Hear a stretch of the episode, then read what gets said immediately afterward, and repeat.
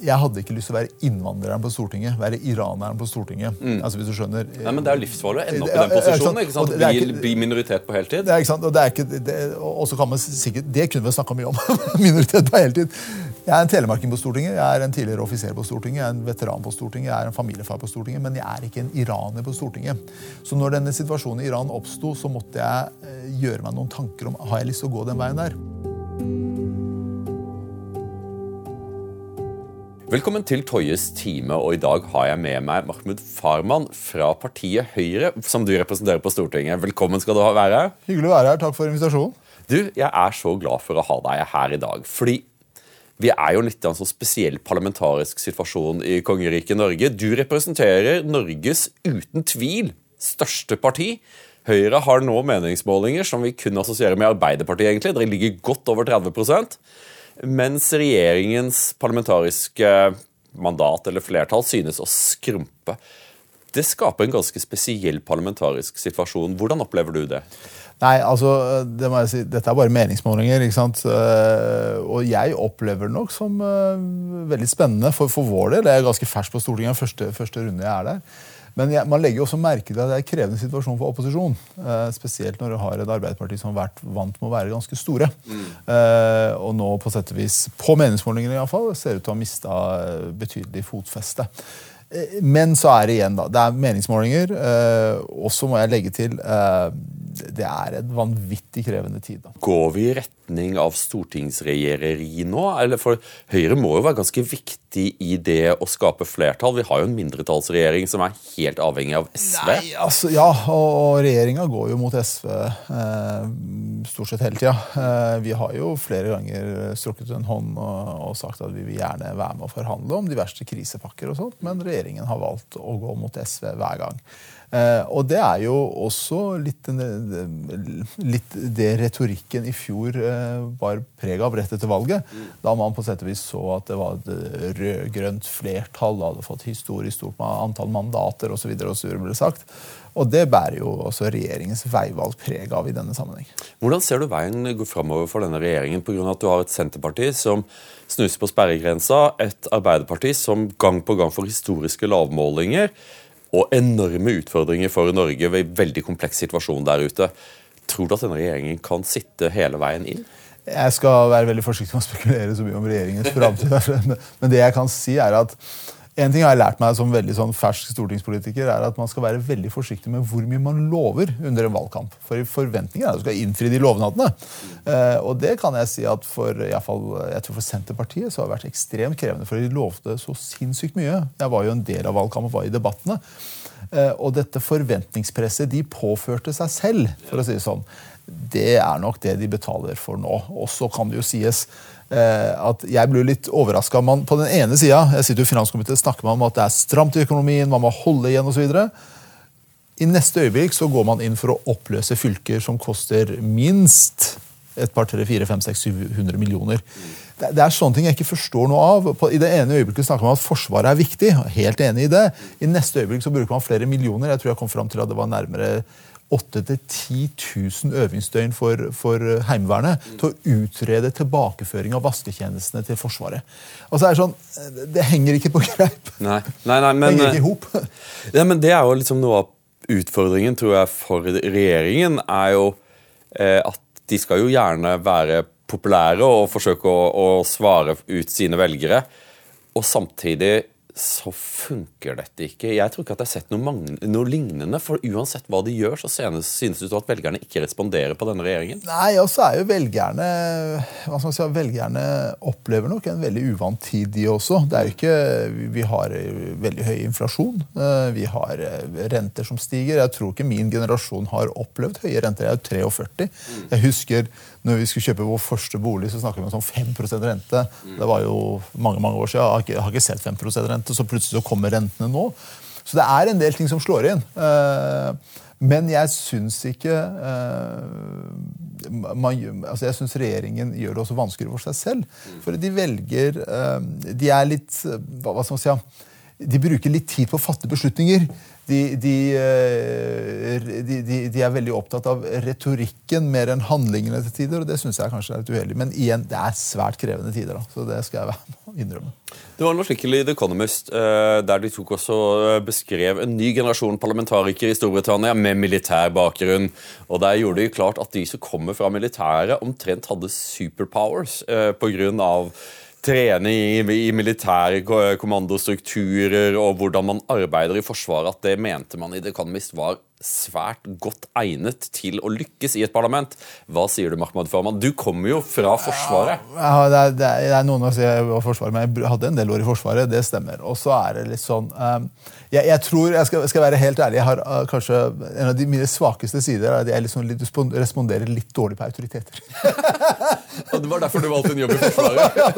Nei da, men, men, så har det jo vært sånn at uh, det, det, det, jeg i fall har forstått, er å tilegne seg uh, informasjon. Mm er noe man lærer ganske greit i Forsvaret. Eh, spesielt gjennom lederutdanninger og fall de fagfeltene jeg jobba med. Man må kunne tilegne seg informasjon. Hva var det du jobba med? Jeg jobba innenfor etterretningsfaget. Ah, okay, så du var E-tjenesten? altså? Ja, ikke E-tjenesten. Jeg jobba for de også, men vi har forskjellige entiteter i Forsvaret som driver med etterretning. Jeg jobba i det som heter etterretningsbataljon, og var utlånt til E-tjenesten i perioder. Mm. Men iallfall så, så er det jo litt sånn at dette med, med, militær presisjon og sånn, det, det, jeg legger kanskje aller mest best merke til da, i min hverdag rundt militær presisjon, er at jeg har fortsatt en tendens til å re opp senga hjemme. Jeg er vel den ene som gjør det av de fire som bor i det huset. Og vi har en sånn konstant krangel med ungene om det. Men, men, det som er kanskje litt viktig, er, er at man har evne til å tilegne seg informasjon. Og at man klarer å uh, innordne seg et hierarki. Du trenger ikke å like autoriteter, men at du innordner et hierarki, tror jeg kanskje har litt å si. Eh, men jeg er jo eh, en procrastinator fra en annen verden. Utsetter ting til siste lite og sånt. Det er liksom litt sånn dårlige egenskaper på den fronten der. da. Ok, men Da du var i Forsvaret, var du en del av ISAF-operasjonen i Afghanistan også? Jeg har vært i Afghanistan en del ganger. Eh, så jeg var vel Min første kontingent i Afghanistan var i 2003. Og så har jeg vært der sånn av og på helt fram til 2010-2011. faktisk. Da må jeg nesten få spørre deg som representant, ikke for Norge, men for de tusener av soldater som tjente i Afghanistan den 20-årsperioden eh, vi var aktive i det landet. Hva slags følelse sitter du igjen med etter, nå som vi sitter med fasit og hånd, og så hvordan det gikk? Eh, jeg skrev en tekst her for ett år siden, da vi, da vi forlot Afghanistan. Eh, det som jeg synes er vanskelig her, da, er at jeg, ikke vanskelig, det, det, jeg kan si, er at jeg tror vi har, og det viser fasiten, så vi har feilvurdert situasjonen så kolossalt. Altså, Sier du det? men, men, men, eh, og det er en sånn interessant sak. Jeg husker jeg satt i en sånn, Vi hadde jo sånn regelmessige briefer og prata, altså diskusjoner og informasjon som kom og til. Og, og alltid så var jeg sånn eh, litt spent på hvordan de mest høytstående individene i det norske samfunnet og offiserene hvordan de observerte verden. Mm.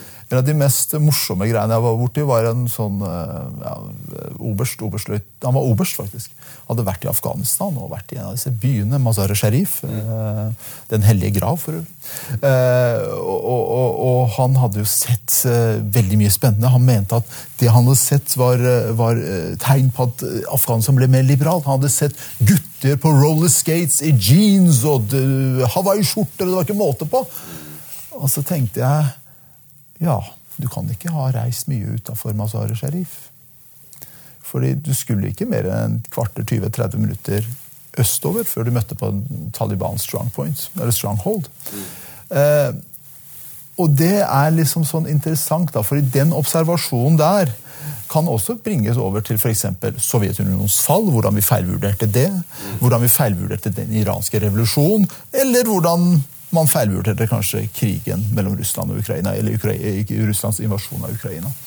Det, vi baserer våre beslutninger på det vi har nærmest veldig ofte. Og veldig få av oss har den evnen til å drive med sånn Eller vi, vi er dårlige som mennesker, da. Det driver med sånn langstrakte analyser og setter i en kontekst øh, og prøver å forstå det. Uh, og Det er derfor vi også bommer på sånne ting. At vi plutselig blir overraska over at å nei, skal disse spesialstyrkene vi har drivet og trent i 15 år, og vil de forlate Afghanistan? De skulle bli igjen og krige! Ja, ja, men sier du det? Ikke sant? Og, og, hva gjør vi? Vi flyr de ut alle sammen, og det kan være gode grunner til det. Men disse vurderingene, altså det eksempelet som han obersten på en måte Jeg bruker han som et eksempel på, på, på hvordan verden så ut. Har nok også vært grunnen til at vi aldri innså at dette kunne kollapse, implodere. Men det er jo utrolig. Det må jo sies å være utrolig. ikke sant? Eh, at allerede i 2006 så får vi veldig klare meningsmålinger om at den afghanske befolkningen opplever overveiende dette som en okkupasjon. Eh, vi insisterer på at vi er her for å frigjøre dere. Eh, mens befolkningen mener dette. Og så I løpet av 20 år så dør 127 000 mennesker i krigshandlinger. Det var ikke primært ISAF som drepte disse, men det var, eh, det var en, var en grapsete og blodig krig.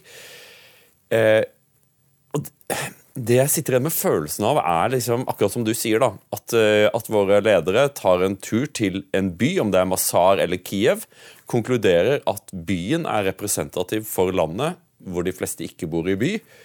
Eh, tar seg ikke en tur ut på landsbygda, eh, og, eh, og trekker totalt feil slutning. Det, det, er, altså, det, det, er, nok litt av utfordringa.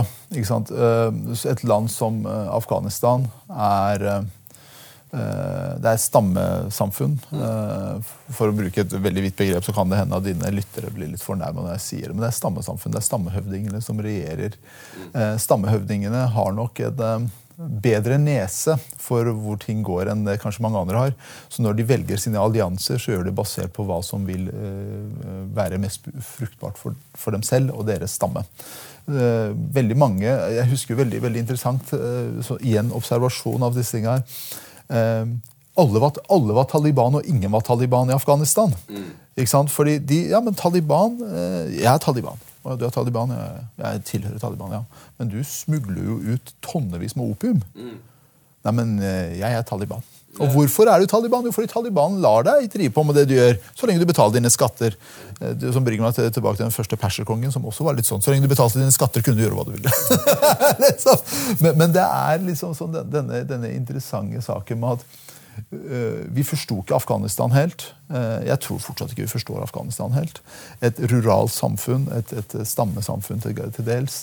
Eh, vi kommer fra urbane, altså si, urbaniserte deler av verden, for å bruke det begrepet. Vi forholder oss til det som er der. Det, vårt verdensanskuelse baserer seg på det vi ser i vår hverdag. Og når man da vet at rurale samfunn er mye mer konservative Folk som bor i rurale strøk, er mye mer konservative enn folk som bor i urbane strøk. Jonathan Haidt har jo visst det gang på gang. Yeah.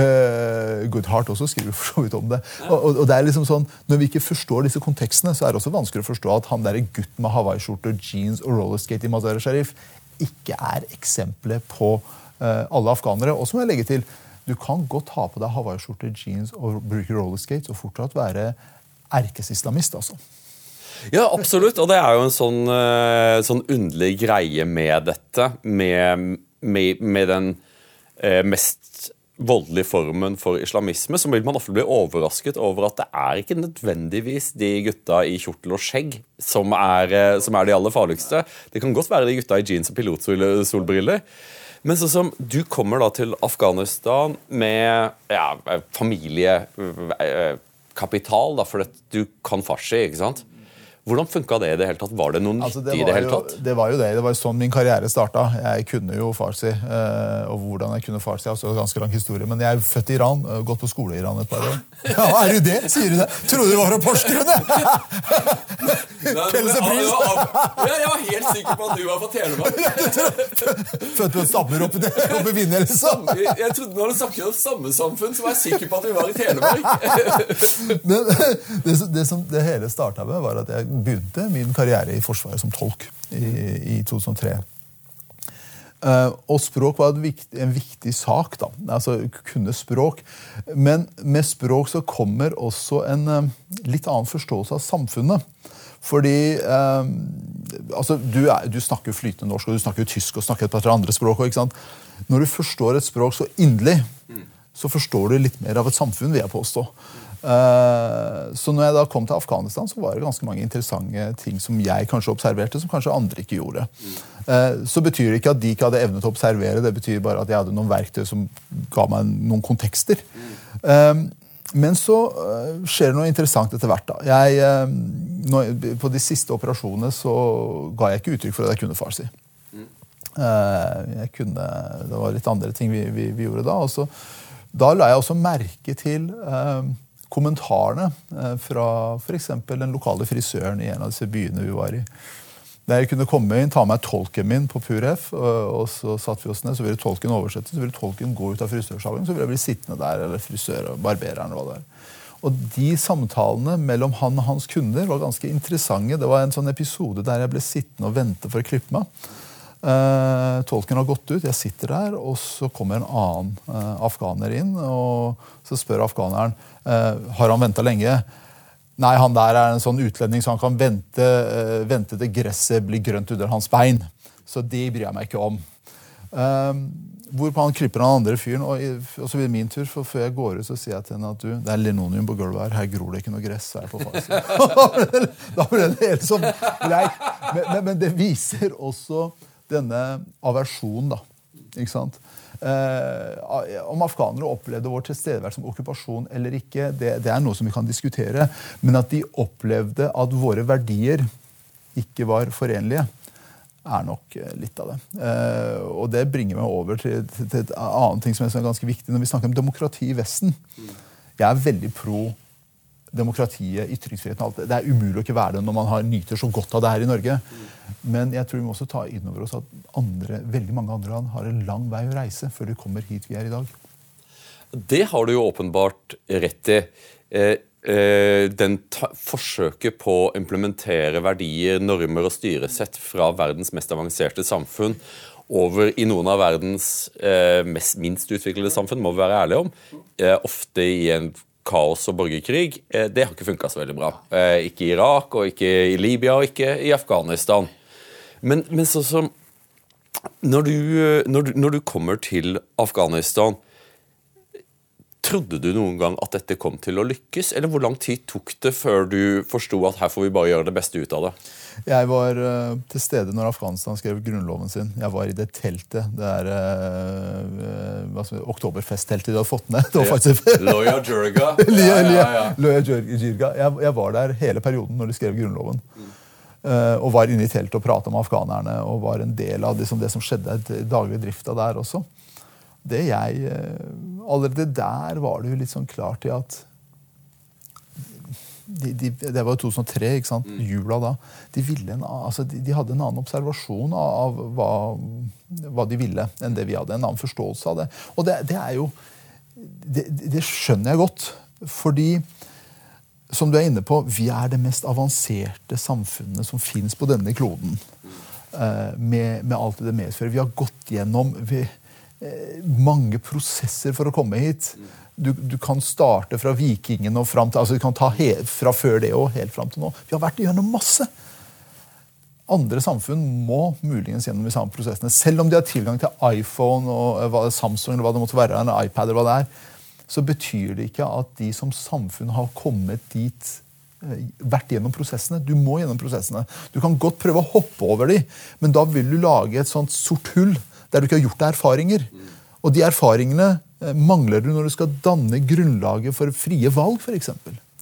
Når du skal forstå at vel, eh, en, et menneske, én stemme, så er det visse ting som ligger bak det. Når du ikke får, har mulighet til å gjøre det, og du kan bare hoppe kvantesprang over disse tinga her, så skjønner du ikke at denne stemmen beror på at du tar opplyste valg. For å kunne ta opplyste valg så må du kunne lese og skrive, ha grunnleggende lese- og skriveferdigheter.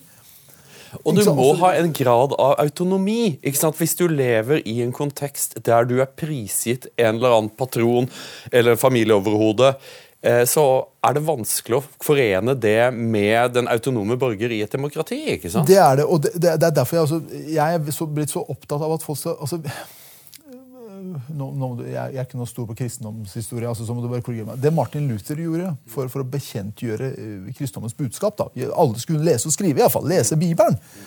Det er jo ikke gjort i stort monn i islam. Og hvorfor er ikke det gjort?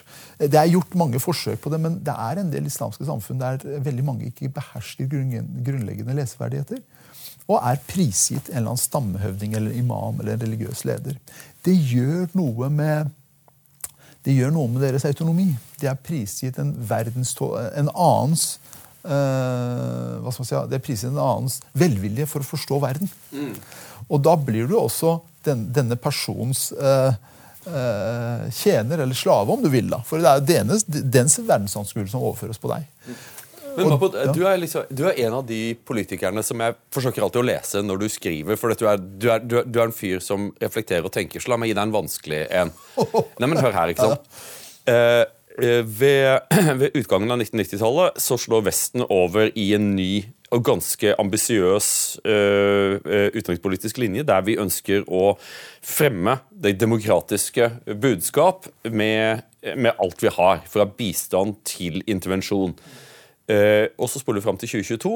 Eh, antallet demokratier i verden er i dramatisk fall. Kun 6,2% av verdens befolkning lever nå i fullskalaversjoner, ifølge The Economist Democracy Index. Hvordan forklarer du den motsetningen med at jo mer vi synes å ha aggressivt støttet opp under demokratiske verdier, jo dårligere har det gått med de demokratiske verdiene? Nå spurte du vanskelig. Ja, nei, for Det er jo det store paradokset i dette. ikke sant? Eh, hvis jeg skal begynne i den ene enden og si at jeg, jeg tror uh, Jeg noterte noen greier i boka mi, for jeg tenkte frihet. altså Frihet har mange lag, vil jeg påstå. Du har politisk frihet, du har økonomisk frihet, og du har etisk eller moralsk frihet, for å si det sånn. Jeg, jeg, tror For å komme dit hen at du kan ha demokrati, altså politisk frihet, for å bruke det begrepet, så må det være samfunns et visst samfunnsinfrastruktur som jeg sier, som må være der. Samfunnet må bestå av mennesker som igjen kan eh, forstå konsekvensene av de valg de tar. Og, og fulle bredden av det. Eh, jeg er jo som sagt født i Iran, det har vi snakka litt om. Eh, og, og, litt av grunnen til at man eh, aldri klarte å komme dit i Iran, var nettopp at man hadde et man hadde ikke, altså Lese- og skriveferdigheten ikke var på et nivå som kunne gjøre at folk kunne forstå konsekvensene av de, de politiske valg de tok. Du, du, er inne på noe som gjør at altså, desto hardere vi har prøvd, desto verre har det blitt. kan det se ut som da. Men jeg tror også det kommer tilbake til at samfunn som ikke opplever økonomisk fremsteg, fremskritt, individer som ikke opplever det, vil også si at vel, hvorfor skal jeg gå denne veien? Hvorfor skal jeg velge disse, disse, disse, den demokratiske uh, rammen mm. uh, når det ikke gir meg de, de, godene som jeg trodde jeg skulle få? Og så er det en ting vi, vi ofte her i Vesten jeg tror misforstår. Veldig mange av de mennesker som ser til Vesten, de ser på uh, økonomisk prosperity, for å si det litt sånn. De ser på økonomisk frihet, ikke nødvendigvis på politisk frihet. Og, og den forenklinga om at alle som kommer hit eh, til Vesten, umiddelbart deler eh, våre verdier og vårt verdensanskuelse, er en misoppfatning. Veldig mange søker den økonomiske friheten, ikke den etiske eller politiske. Vanskelig å være uenig i, i, dette, men det er jo også farer med å lære befolkningen å lese. For du nevnte Iran. Der begikk man jo den utrolig store tabben å lære jentene å lese. Eh, og så antok man kanskje i regimet at, eh, at, det ville ha en del positive økonomiske følger. Eh, og for Iran er jo ikke så ulikt vestlige land i det at det er jo et overtall av kvinner som tar høyere utdannelse. Eh, og det går bra med, med, med, jentene. Og nå har de fått et ordentlig opprør på halsen av, eh, av, av damer som ikke vil la seg hunse. Ganske Nei, enkelt. De, de vil ikke det. Og så er det sånn uh, Irans, uh, Iranske kvinners utvikling er ganske interessant. Jeg tok en sånn, jeg hadde et foredrag om det i går for Larvik Høyre av allting i verden. Uh, det, det starta ved starten. sier at for eksempel, Kampene mot grekerne, der var det en kvinnelig admiral som del, leda deler av flåta i Middelhavet. Var det hun som tok og fucka opp de greiene? Ved... Ja, vi kan godt si. Salami, ikke Salami, Salami ja, ja, det var det, ja. Det er, da. Ja, hun leda Skylder på henne der. Eh, hun som satte opp den første, eller De som satte opp den første livgarden til den første persersjahen, mm. Sirus, Det var en kvinne, og, eller det var en mann og hennes ektefelle. Eller hans ektefelle, beklager. Som satte opp denne eh, Immortal-brigaden, eller enheten. Så iranske kvinner hadde ganske prominent plass i iransk historie. Når romerne og grekerne skulle fremstille perserne, eh, så fremstilte de mennene under kvinnene alltid. Og det var, det var for å på en måte latterliggjøre mennene, men det var også en viktig sak her. Kvinnene hadde like rettigheter som menn i Perserriket. De kunne starte sine egne forretninger, være businessledere osv. Så, videre. så kom vi fram til eh, forrige århundre. Eh, da skjer det noe på 20-30-40-tallet. Så ser man en Iran har ambisjoner. Iranske sjahen Pahlavi Shan har ambisjoner. Han vil utvikle Iran. Dermed så innfører han en del eh, utdanningssystemer. Eh, den hvite revolusjonen settes i gang. Kvinner får mulighet, kvinner selv i rurale strøk får mulighet til å lære seg å skrive og lese. Eh, så utvikler dette seg. Revolusjonen kommer i 79.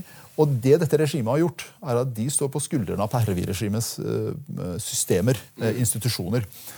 Kvinner har gjennom 60-, 70-, 80-tallet osv. i Iran tatt stadig høyere utdanning. Stadig mer utdanning. Som du sa, Kvinner har en høyere utdanningsandel eh, enn menn. Kvinner står på 47-48% av eh, vitenskapelige publikasjoner i Iran. Eh, det som de krever nå, er jo som sier, like rettigheter. Mm. Selv om de har høyere utdanning, så er arbeidslivsdeltakelsen lavere enn menn. Mm. Eh, og det medfører en del komplikasjoner. Ved, ved, barnefordelingssaker så kommer kvinner alltid dårligst ut i Iran. Mm. Så vil sikkert noen i Norge synes det er sikkert bra, men, det er, liksom, men det er en, del, en del komplikasjoner rundt alt dette. Og det å gi kvinner eh, rett, altså muligheten til å ta utdanning har den konsekvens at de vil ikke blindt la seg lede av en uh, gruppe menn som har fått æresdoktorgrader og smykker seg med det, og skal lede landet. For de kvinnene, og, for så vidt mennene som er høyt utdanna, vet jo at dette er bare bambus. Men hva tenker du kommer til å skje framover i Iran? Jeg vet du følger dette ganske nøye, og la meg bare provosere deg med en gang. Og jeg tror ikke at dette er the one. Jeg tror ikke at det, det, jeg, For meg så ser det ikke ut som at regimet er i ferd med å falle. Og det virker heller ikke som at regimet er ekstremt presset. Hva vil du si til det? Jeg er nok grunnleggende uenig i det. Litt av grunnen, og skal begrunne litt, litt godt her. Eh, jeg, litt av grunnen til at jeg sier at regimet er ekstremt pressa, eh, er fordi når man ser på voldsbruken mm. du, kan, du kan, måle på flere faktorer. En ting er mengden voldsbruk. Voldsbruken er helt sinnssyk. Mm. Det er det ene. Det andre er at du ser f.eks. at verdien på utenlandsvaluta og gull har eksplodert i Iran. Hva er det tegn på? Samtidig som eiendomsverdiene på high-end-eiendommer sies å ha falt. Du, du, du, skjønner jo hvor jeg vil. Folk, folk, folk gjør, om, gjør, om, kapitalen ja, sin til noe de kan transportere. Nettopp, ikke sant? Eh, og, og, det er tegn. Når eliten begynner å altså De som eier disse high end-eiendommene, er jo ikke vanlige folk eh, for, som bor i hele Iran, som vi så glad i, for å bruke Senterpartiets retorikk. Men, men det Nei! ah. det, det var ikke Nei, da, men, ja, bra. Okay, men, men, men, det som er kanskje litt vesentlig i den sammenhengen, altså, er at når, man, når, eliten begynner å omgjøre fast eiendom til kapital og gjør seg klar til å reise, mm. Og Iran er et, er oligarki, altså. Mm. Kanskje verre enn Russland også. Så er det et tegn på at noe er i ferd med å røre seg. Uh, når du også ser, setter det sammen, sammenheng med, i, i sammenheng med voldsbruken, så er det et annet tegn på at dette kommer ikke til å ende så veldig godt. Uh, samtidig så har jo uh, man klart å påvirke og erodere Irans fotfeste i Midtøsten. Jeg skrev en tekst i VG for eh, to-tre år siden der jeg sa at disse økonomiske sanksjonene kommer til å påvirke Irans evne til å være til stede i Midtøsten. Og effekten av det ser vi nå. De er ikke i stand til å være til stede. Irakerne er i rimelig forbanna på iranerne. Mm. Eh, syrerne har ennå ikke kommet dit hen. Uh, I Libanon så er de liksom blitt litt mer kjølige til, til Iran. Mm. Alt dette er tegn i tiden på at dette regimet ikke kommer til å kunne overleve over tid. Men la, la, la det være sagt, da. Jeg tror ikke dette skjer i morgen. Jeg tror ikke det skjer om en måned. Det her tar tid. Mm. Men at regimet og ledelsen ser seg nødt til å finne på noe annet, er, er ganske viktig å ha med seg her. Eller ganske sentralt. Og, og, og, og, så ser man på de siste nyhetene som kommer ut, og hvordan de i retorikk prøver å roe ned gemyttene. Sånn som Nå skal de snakker jo om at uh, dette moralpolitiet skal vurderes og oppløses. og Så endrer nyhetene seg fra dag til dag på hva som egentlig er, blitt sagt. Mm, jeg følger den også. Ja, og, og, det er liksom sånn Du prøver gjennom retorikk å roe ned stemninga i folket. Men det iranske folkets irritasjon er ikke lenger bare med moralpolitiet. Det er økonomisk situasjon som er helt uholdbar. Det er eh, det, hvordan verden ser på Iran. det provoserer befolkninga ganske vesentlig grundig. Og en annen ting er at, og en av de slagordene som på sett og vis har gått gjennom flere la, flere omganger med opprør i Iran og demonstrasjoner, har jo vært dette med at eh, du, eh, de, de, de, sier at pengene våre brukes i Palestina og Libanon, mens våre barn ikke har ordentlige skoler og vi har ikke ordentlige veier. Mm. Og Det er en realitet. og Folk ser dette her. Folk ser den ure, altså, hvordan irans, iranske folks midler brukes overalt andre steder. Det kommer ikke iranere til gode. De ser den økonomiske situasjonen som er helt uholdbar. Og de ser at de lever i et ekstremt ufritt samfunn. Iallfall for de som ikke har midler til å kjøpe seg ut av uh, ufriheten. Eh, og I Norge så har vi sett eh, demonstrasjoner utenfor iransk ambassade, vi har sett demonstrasjoner utenfor Stortinget. Det har overrasket enkelte nordmenn pga. at perserne har vært en, en, minoritet. Du er jo en representant for en minoritet som har vært veldig vellykket i Norge. Integrert seg, funnet, eh, funnet seg plasser i samfunnet. Og så skjer dette i Iran, og så viser det seg at det er ganske mange persere på tross av at uh, Jeg vet ikke uh, hvor ofte du har vært i Persia. Men, Aldri vært der. Nei, ikke sant? Nei. Men allikevel så, er det, ja, allikevel så er det tråder som, uh, som, binder. Hva tror du grunnen til det er? For min egen del så kan jeg si at jeg har vært mye i Midtøsten og Sentral-Asia og sett Irans herjinger. Hvordan Iran har vært en sabotør av samtlige prosesser i Midtøsten. Det er en del av det, en del av min motivasjon. Og så tror jeg så har jeg fortsatt søskenbarn som bor i Iran, og tanter som bor i Iran. og Jeg prater med de innimellom. Og, og jeg tror ikke Ingen samfunn er tjent med å ha det eh, så ufritt som Iran. Så må jo alle samfunn finne ut av det sjøl. Men, men, sånn som Iran er blitt, med den befolkningsmassen og demografien man har, så er ikke det systemet som er satt der, tilpassa det folket som er, bor der. for å si det sånn. Eh, og så er det sånn, Når iranerne nå hva må ta sånn liten, Iranere som kom til Norge, iallfall de som kom på 80- og 90-tallet. Mm. Eh, veldig mange av disse her tilhørte en eksisterende middelklasse i Iran. Mm. Den middelklassen var sterkt påvirka av vestlige verdier, vestlig verdensanskuelse. Jeg husker jo Iran, når jeg bodde der, så var det jo på 80, begynnelsen av 80-tallet, det var etter revolusjonen, så var det ikke lov med vestlige filmer og videoer og, og musikkvideoer og sånn. Men vi, vi, fikk de smugla inn. Ja, Så jeg satt og så på rockefilmer som seksåring. Jeg er ikke helt innafor. og, og, jeg husker faktisk uh, The Wall-videoen som på sett og vis de fikk inn, og Peter Gabriel-musikkvideoer og sånn. Så vi vokste jo opp med dette her til dels, mm. i skjul, men, men vi hadde en forståelse forståelse av det. Og vi søkte hit fordi vi hadde noe sånn altså Man søkte et verdifellesskap. Man forsto Vesten, man forsto hvordan Vesten var. Man ville være en del av dette her. Uh, og så var det kanskje ikke alltid like uttalt at uh, en mann eller en person, et menneske, en stemmegreie, men, men det var liksom det verdi, verdisettet der. Og når, folk, når du ser iranerne som står på utsida av Stortinget, eller, eller, hvor det måtte være i byen og demonstrerer, så er, demonstrerer de mot den islamske republikken og, og mullaveldet Iran. Uh, og, og, ikke alltid for en annen, hvis du skjønner hva jeg mener. De vil ha dette her bort. Og når jeg da spør de, ja, hvem skal ta over ledelsen i Iran, så er det ikke alltid klare svar. Men, men, og det er kanskje det som er litt av utfordringen. Det er ikke alltid klare svar, Men én ting er klart, og veldig mange er positive til at iranerne vil finne ut av det. Mm. Eh, og jeg tror også at om, eh, om, et sånt konsensusbasert demokrati kan lykkes et eller annet sted i Midtøsten, så kan det være Iran. For det er ingen sånn kjempeklar leder på dette her. Mm. Og dermed så må man finne sammen. Men som jeg sier til iranere som bor i, i, i Norge og andre steder i Vesten, og jeg er i samtale med de, at beklager, dette er ikke gjort over natta. Det tar tid. Men det representerer jo en ny sånn spennende utfordring for skandinaviske land som har hatt veldig høy innvandring. Eh, og nå begynner innvandringen å slå inn i utenrikspolitikken. vår Kanskje det mest eklatante eksempelet er, er Sveriges Nato-medlemskap, der man hadde en situasjon som kanskje lignet minnet litt om i Norge. En, eh, en rød-grønn regjering med veldig svak, tynn, tynt mandat, som da ble prisgitt en kurdisk-svensk representant som skrev avtale med Sosialdemokraterne, eh, der hun, alle hennes krav handlet om ting knyttet til kurdernes sak. Og det kom i veien for svensk Nato-medlemskap, som jo blir paradoksalt pga. at dette er så viktig for det landet hun faktisk bor i. Og allikevel så er hun mer enn villig til å sabotere svensk statsminister.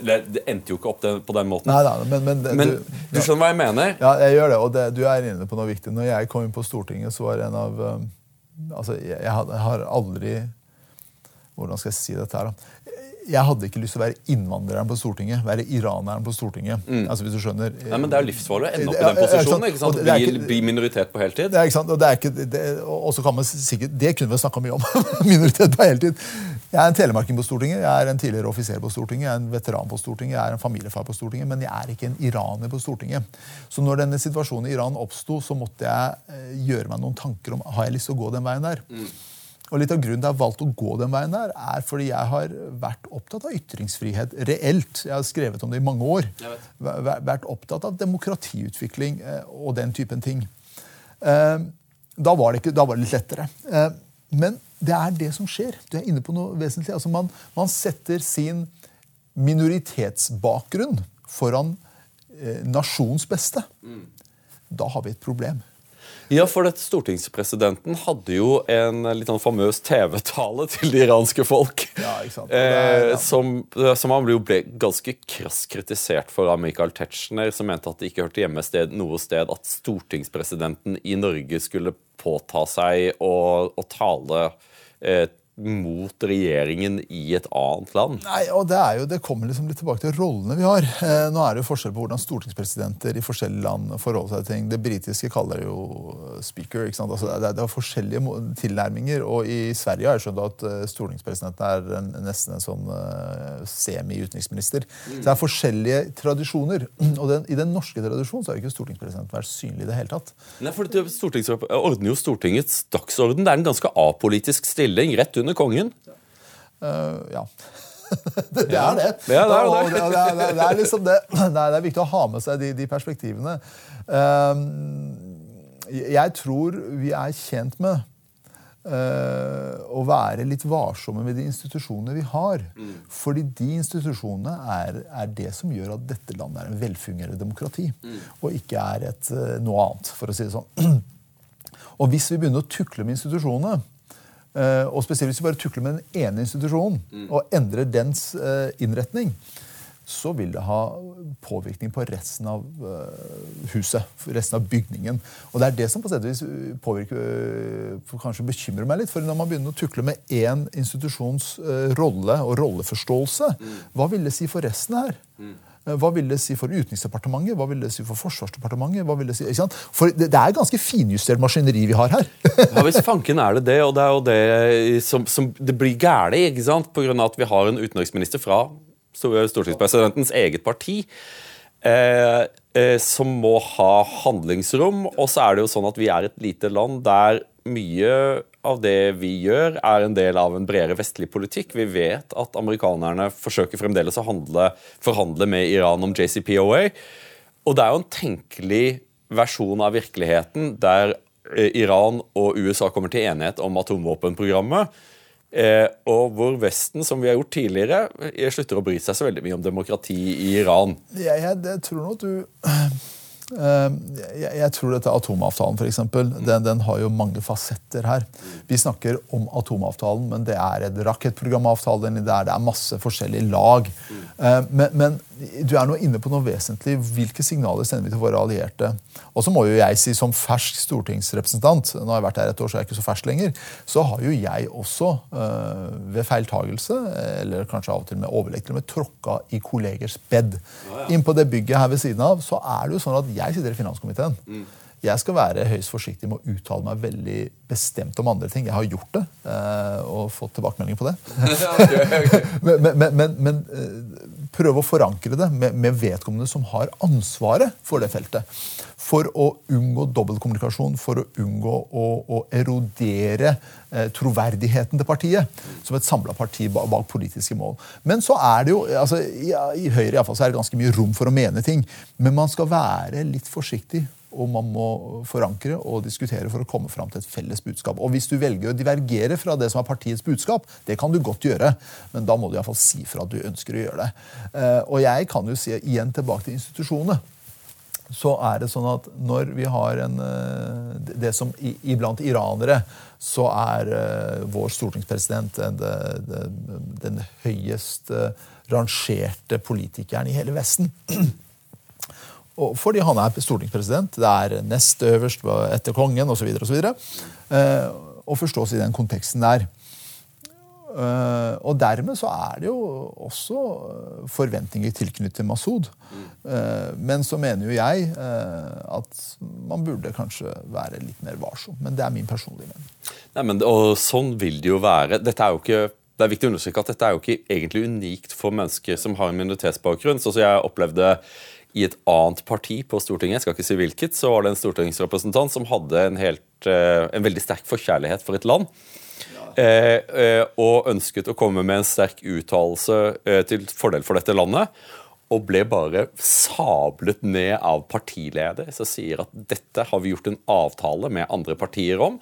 Dette er hvor vi står. Dette er den avtalen jeg har inngått. Jeg har ikke tenkt å forandre på den, så du kan bare kneppe igjen. Eh, ikke sant? Tilbakemelding. ja, ja, ja, men så, så det er jo, det er jo vi, vi, vi, kommer jo alle eller Jeg går ut fra at alle stortingsrepresentanter kommer jo inn i dette med en viss bagasje av sympatier og antipatier, men det der med, med rolleforståelse det er noe som, som, tar tid å lære, tror jeg. Altså. Det, det, det, gjør det. Også, du, du starta et sted som jeg syns igjen har vært ganske interessant. Altså, når du starta å snakke med vår kollega i Sverige mm. eh, når slutter jeg å være eh, innvandrer og iraner, og når begynner jeg å være norsk mm. eller svensk? Uh, og jeg tror det kommer liksom litt tilbake til når setter jeg Norges interesser foran alle andres interesser. Mm. Når setter jeg Telemarks interesser foran andres interesser? altså For å ta de eksemplene. Det tror jeg, det, det er et vanvittig spennende tema. Ja, men for dette her er fanken meg kilent. ikke sant? For dette var en stund vi hadde disse debattene for omtrent ti år siden. Men ok, greit, nå er det fotball-VM. Uh, Belgia spiller mot eh, Marokko. Belgia taper for Marokko. Det bryter ut opptøyer i Brussel, der uh, belgisk-marokkanere angriper belgisk politi i gledesrus over at deres tidligere fedreland har beseiret deres nåværende fedreland. Det skaper vonde det følelser. Altså. Meg, altså, det der er for meg rart. Ja. Det der er for meg veldig underlig. Um, fordi jeg, jeg bruker alltid å si at det landet i verden som har gitt meg alle mine muligheter, det er dette landet her. Mm -hmm. uh, og det for meg, å gå til fysisk angrep på en av institusjonene i dette landet her, det er utenkelig. Mm. Ja, hvis du skjønner hvis du forstår, Spesielt for en fotballkamp. altså, Jeg kan sitte, jeg har tatt med guttungen på landskamper her og sett på det og vært så frustrert med det norske landslaget. Og så må jeg si at hvis, hvis, Iran har jo vært i VM, og det er som, jeg har sett på halv, halv, ja, til sammen en halv kamp kanskje av de kampene som de har spilt. Og ja, da, Jeg blir glad når de vinner, og så det er kult å se på. Det er en sånn greie ved det. Men jeg, jeg, kan ikke se for meg en sånn, se, se meg selv i den situasjonen her. For jeg, jeg, jeg forstår bare ikke hva det kommer av. For i min identitet til tross for at jeg er innvandrer, den er veldig norsk. Jeg anser meg selv for å være norsk. Så er jo noen der ute som er uenig både på både innvandrere og andre som mener hvordan kan du det? Du har solgt sjela di! Så tenker jeg ja, ja, ja, solgt sjela mi, det kan vi snakke om. Det Verre ting har skjedd. Uh, og, det er liksom sånn det er dette landet som har gitt meg mine muligheter.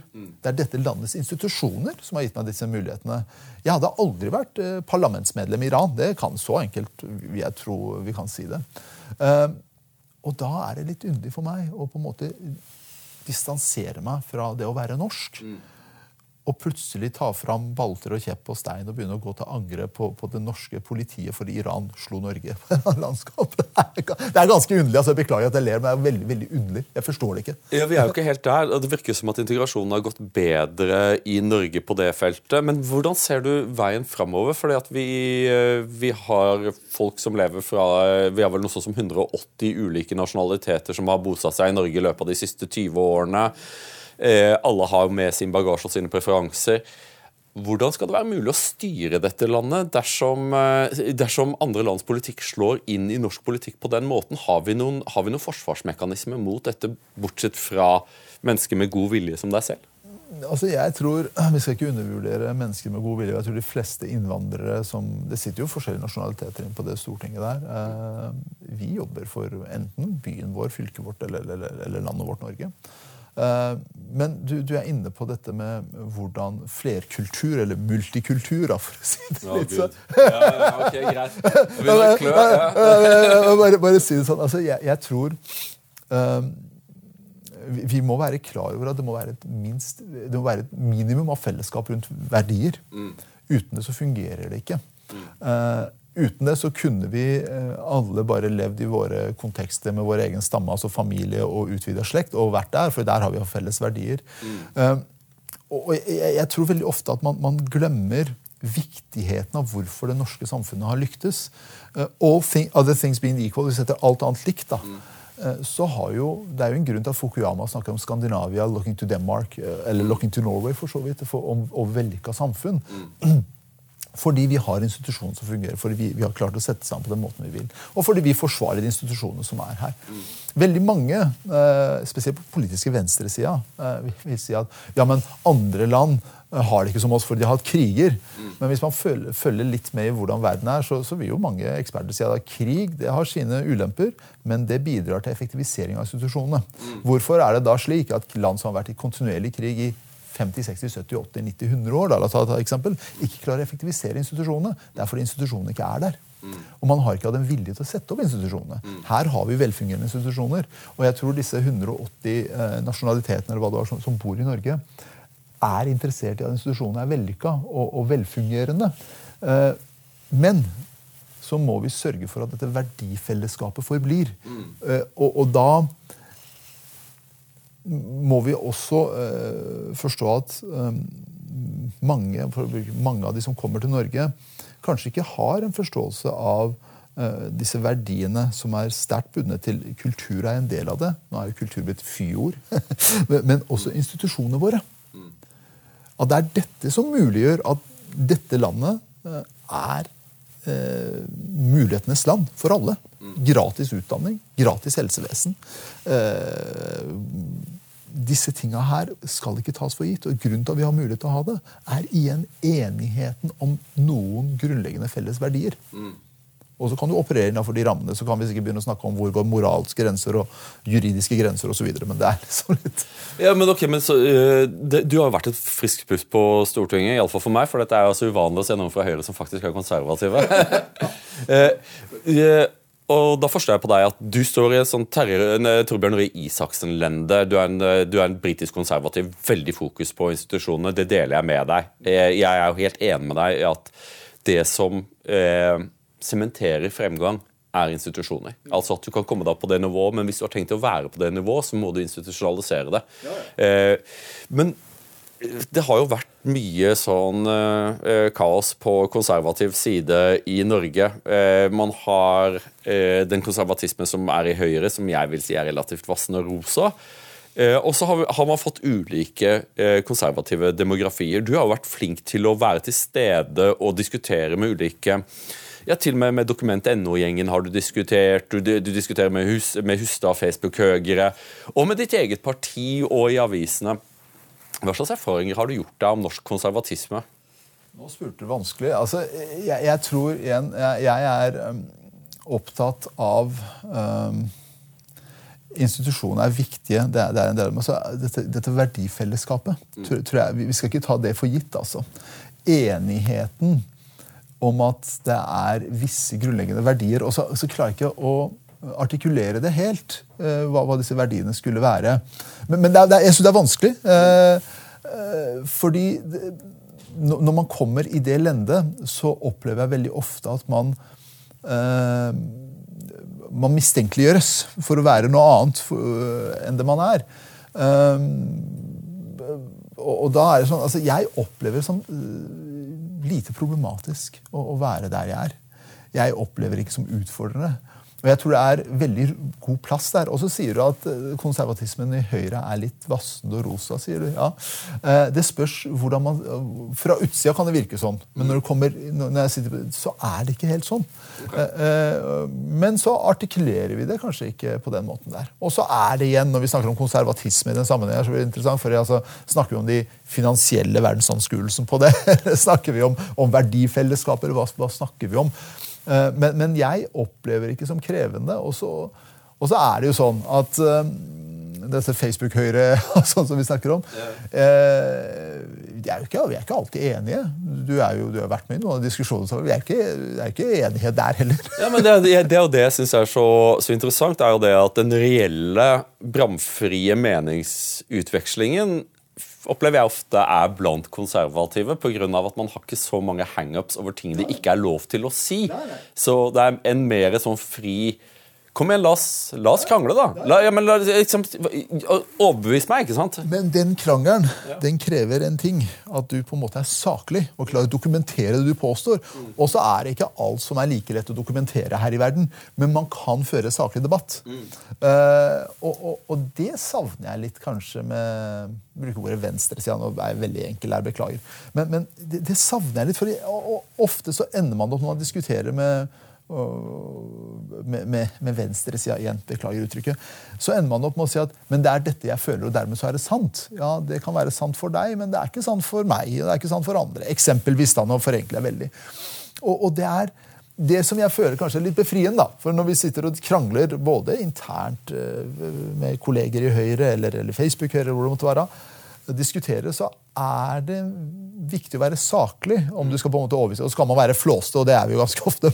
Men, men det å ha, ha, saklige argumenter og kunne begrunne det du sier, er ganske vesentlig for å kunne komme fram. Og det er kanskje en av disse verdiene som jeg ikke klarer å artikulere, men det er liksom litt, litt der, da.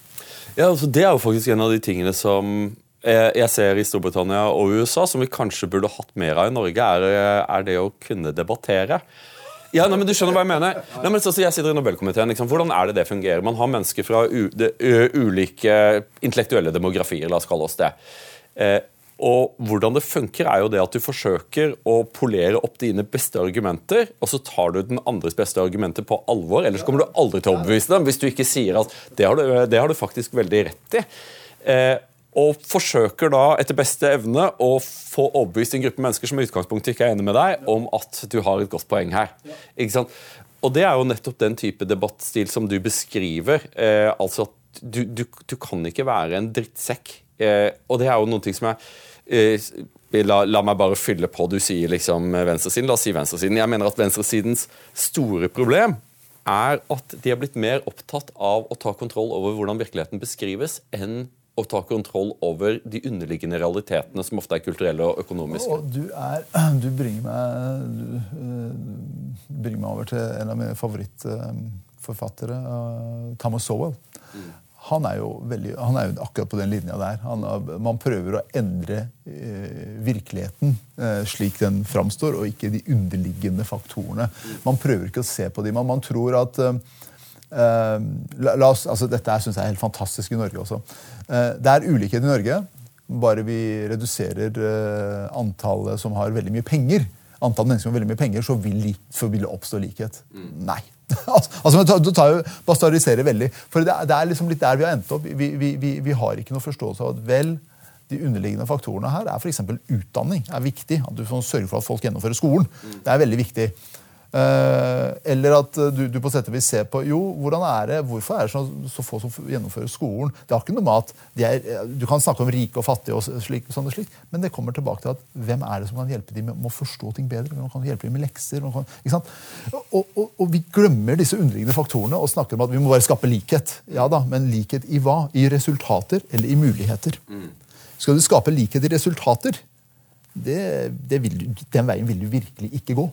Ja, For da vil du få en likhet i fattigdom? da. Ja, Eh, ja. At alle blir like fattige? Og, og Det er derfor disse likheten i muligheter er der. og som jeg sa, altså, Om det er ett sted der det fins likhet for å lykkes, og muligheter, så er det i Norge. Så fins det forskjeller her også, det er ikke noe tvil. men det her er det samfunnet i verden som har optimalisert at du har like muligheter øh, langt på vei. Høy sosial mobilitet, stemmer. Høy sosial mobilitet. Altså, jeg kom hit, som jeg Min mor kom til Norge med min søster og meg. Eh, Jeg, jeg har spurt, jeg tror jeg har vært 50 dollar i lomma og nå klær i en koffert. Og det her var i 1988. Det er ikke mange år siden. Ja, men det er, det er ikke Det er det. jo det er jo ikke det. Det er ikke det. Altså, det, er, det er jo hva er det? Telle, er jo 30, 34 år siden. 35? Er det? Ja, 34 år sia. Men du, men du må ha hatt en voldsom drive til å ville lykkes. eh, For det må ha vært et jækla sjokk å, også å møte opp Det må ha vært på Fornebu, da?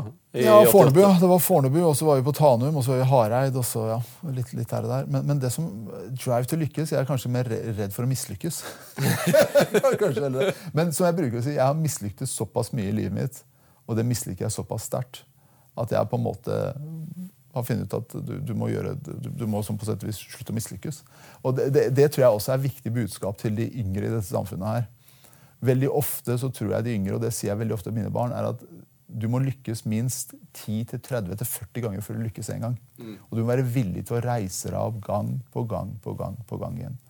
Uh, Det er så utrolig viktig at du sier det. For det er, det er faktisk en av de tingene der Norge er forskjellig fra en del andre samfunn. At det går an å mislykkes og få en ny sjanse. Og det, er det, og det å gi folk en sjanse til. Eh, fordi alle mislykkes. Det gjør vi alle. Eh, og alle har en tendens til å skrive om sin egen biografi som en endeløs seier, eh, seiersrekke i etterkant. Men det har vi alle. At allting måtte jo bli akkurat slik. Det var akkurat det jeg ville. Men vi må fortelle til unge at du, Det er litt tilfeldig at jeg sitter på Stortinget. Jeg kunne, sittet, kunne endt opp på mange, på mange steder. Det eneste jeg kan love deg, er at jeg har jobba som faen.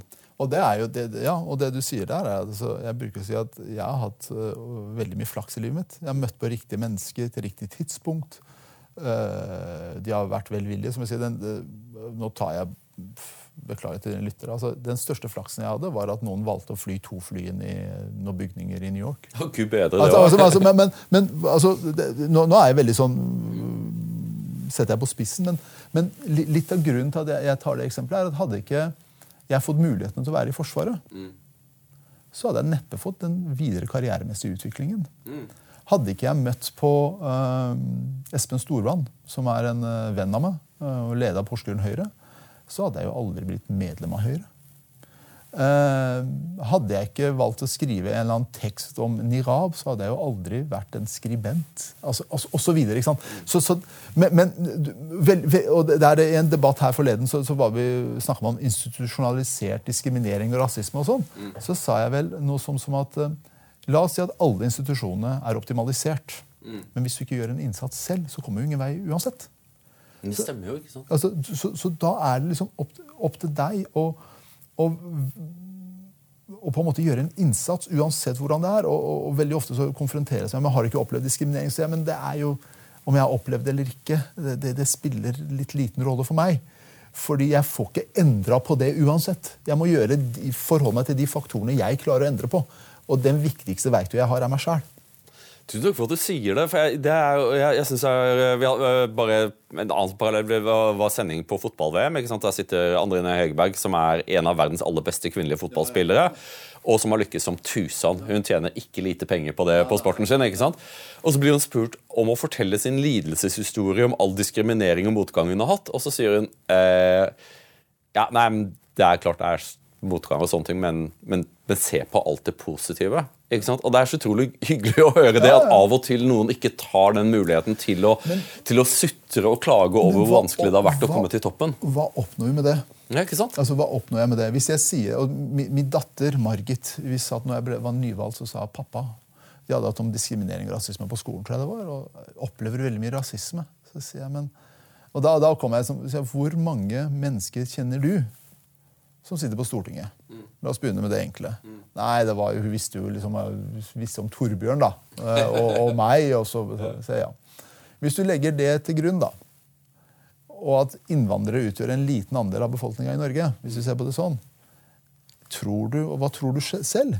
Og da sier jeg ikke som jeg sier, det er ikke det at man tar altså, rasisme eller ei osv., men hvilken vei kommer jeg? Hvor, ved å sitte og, og, og, tenke på alle Og forteller folk om all, elendigheten i verden. Blir de unge eh, mer motiverte, får de mer lyst til å gjøre en innsats? Jeg forteller at Uansett så er du doomed. Du kommer uansett ingen vei. Ja, og så er det den biten med å øh, å fortelle folk at det er ikke din skyld. Og det er en ting som Jeg tok også lærte. Jeg hadde en, jeg hadde en kamerat eh, som presterte å bli både alkoholiker og heroinmisbruker. Og så gikk han tolvtrinnsprogrammet. Jæklig smart fyr. Eh, og klarte å komme seg ut av det. Helt rusfri nå. Dette var ungdommen. Eh, og det budskapet som han kom med, var at det å, å, ta skylda selv og si at ja, greit, du hadde sikkert en råtten far og, og vokste opp i blokk og hadde sikkert mye liksom sånt, men det å si at det er min skyld at jeg er narkoman, det er min skyld at jeg ikke får dette til, innse hvor mye makt det er å ta makt over din egen skjebne, istedenfor å si at det er noen andres skyld. Og Det er også liksom viktig å si til unge at trodde du at det skulle være lett? Trodde du at det skulle være lett å bli stortingsmann eh, stortingsrepresentant? Selvfølgelig så kommer det til å være motgang, ellers så ville alle være stortingsrepresentanter. Det vil være en utsorteringsmekanisme, og kvinner vil møte visse utfordringer. Folk med innvandrerbakgrunn vil møte visse utfordringer. Hvite menn vil, vise, vil møte visse utfordringer. Eh, og av og til, så, hvis vi bare slutter å sutre og, eh, og bare erkjenner at Fikk det til. Bra. Ja, og, og, det er, um, og, det er, nettopp dette, da. Til tross for uh, motbør, så kan man lykkes. Til tross for motbør, så kan man komme ganske langt. Men da må man være villig til å uh, bite litt i seg og være villig til å jobbe. Og så er det slik, det må jeg si, man må ha flaks. Man må ha flaks gjennom nettverk, man må ha flaks gjennom hva man gjør, eh, hvem man møter på, hva man sier ja og nei til av og til. Men som jeg sier, den, den største eh, evnen jeg har, er at jeg har ikke evnet å vurdere hva som er godt å si ja til og ikke, så jeg ender opp med å si ja til veldig mye rart.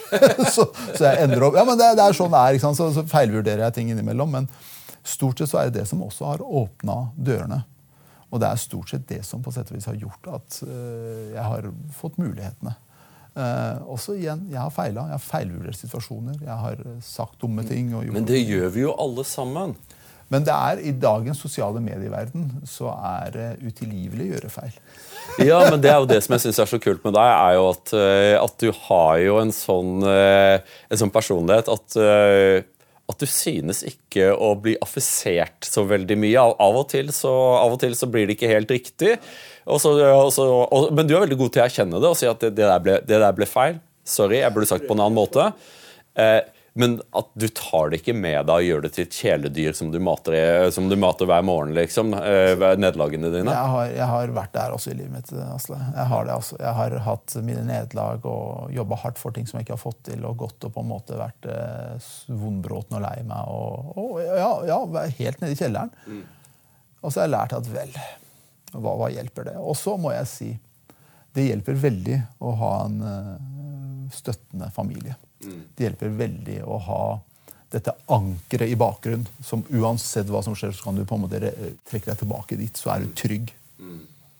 Uh, og, og, det er liksom litt disse, disse greiene med jeg tror det er han Gadsad Gadzad, han canadieren, libaneseren som bor i kristne, jødisk libaneser, ja. som bor i Canada. Han er forsker på eh, psykolog, eh, han doktorgrad i psykologi og forsker på, på, feltet. og Han sier også at du, du må på sett og vis ha dette ankeret. Det er viktig for deg å ha det. Og så sier han noe annet. På samme måte som barn utsettes for uh, fysiske sykdommer, mm. så må de også utsettes for psykisk press for å formes og kunne håndtere verden. Mm.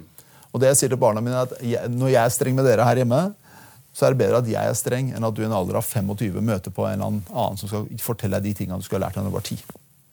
Så slipper du å få det massive trykket der. Så kan du heller lære deg nå. Og Det tror jeg også er viktig at vi har med oss at det å på sett og vis eh, ha bomull rundt våre barn kanskje ikke alltid er det lureste. Jeg, er veldig tilhenger av det. Jeg tror at det er viktig å herdes mentalt. Eh, for ellers så tror jeg at overgangen til voksenlivet med de realitetene i voksenlivet kan bli veldig veldig brutal for mange unge. Men når jeg sitter og hører deg beskrive om din egen reise, så, så satt jeg og tenkte dette her er jo en perfekt beskrivelse av reisen til partiet, til partiet Høyre. Du fortsatte å gjøre det du gjorde, du hadde litt flaks, og plutselig så sitter man i en situasjon der For du sitter jo nå som stortingsrepresentant for Høyre i Høyres gullalder. Aldri i Høyres historie har partiet vært, vært mer populært, hatt større oppslutning og større muligheter. Hvordan tenker du at veien kommer til å gå framover for deg og for partiet Høyre? Nei, Jeg vet ikke det eneste. Jeg er ikke så sikker om jeg skal dra fram krystallkula nå. Det eneste jeg vet, er at meningsmålinger er meningsmålinger, og innsats må gjøres under valget. Vi må jobbe eh, for å vinne valg. Vi må eh, få fram budskapet vårt til, til, befolkningen der ute. Og vi må ha eh, et program og ha vedtak i både internt og i Stortinget som på sett og vis påvirker folks liv i positiv retning. Det er det som må til. Meningsmålinger de kommer og går. Men at vi jobber målbevisst for å gjøre folks liv bedre innenfor eh, rammene av eh, vår politikk, tror jeg er helt avgjørende.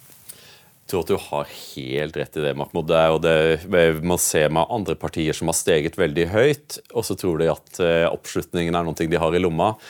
Men det, er, det kommer an på valgdagen, da, hva ja, du klarer å få ut. Popularitet målt på meningsmålinger er én ting, men valgresultatet er noe annet. Mahmoud Farman, tusen takk for at du kom til Toy time. Det har vært så hyggelig å ha deg her. Vanvittig kult å være her. Tusen hjertelig for at du inviterte meg.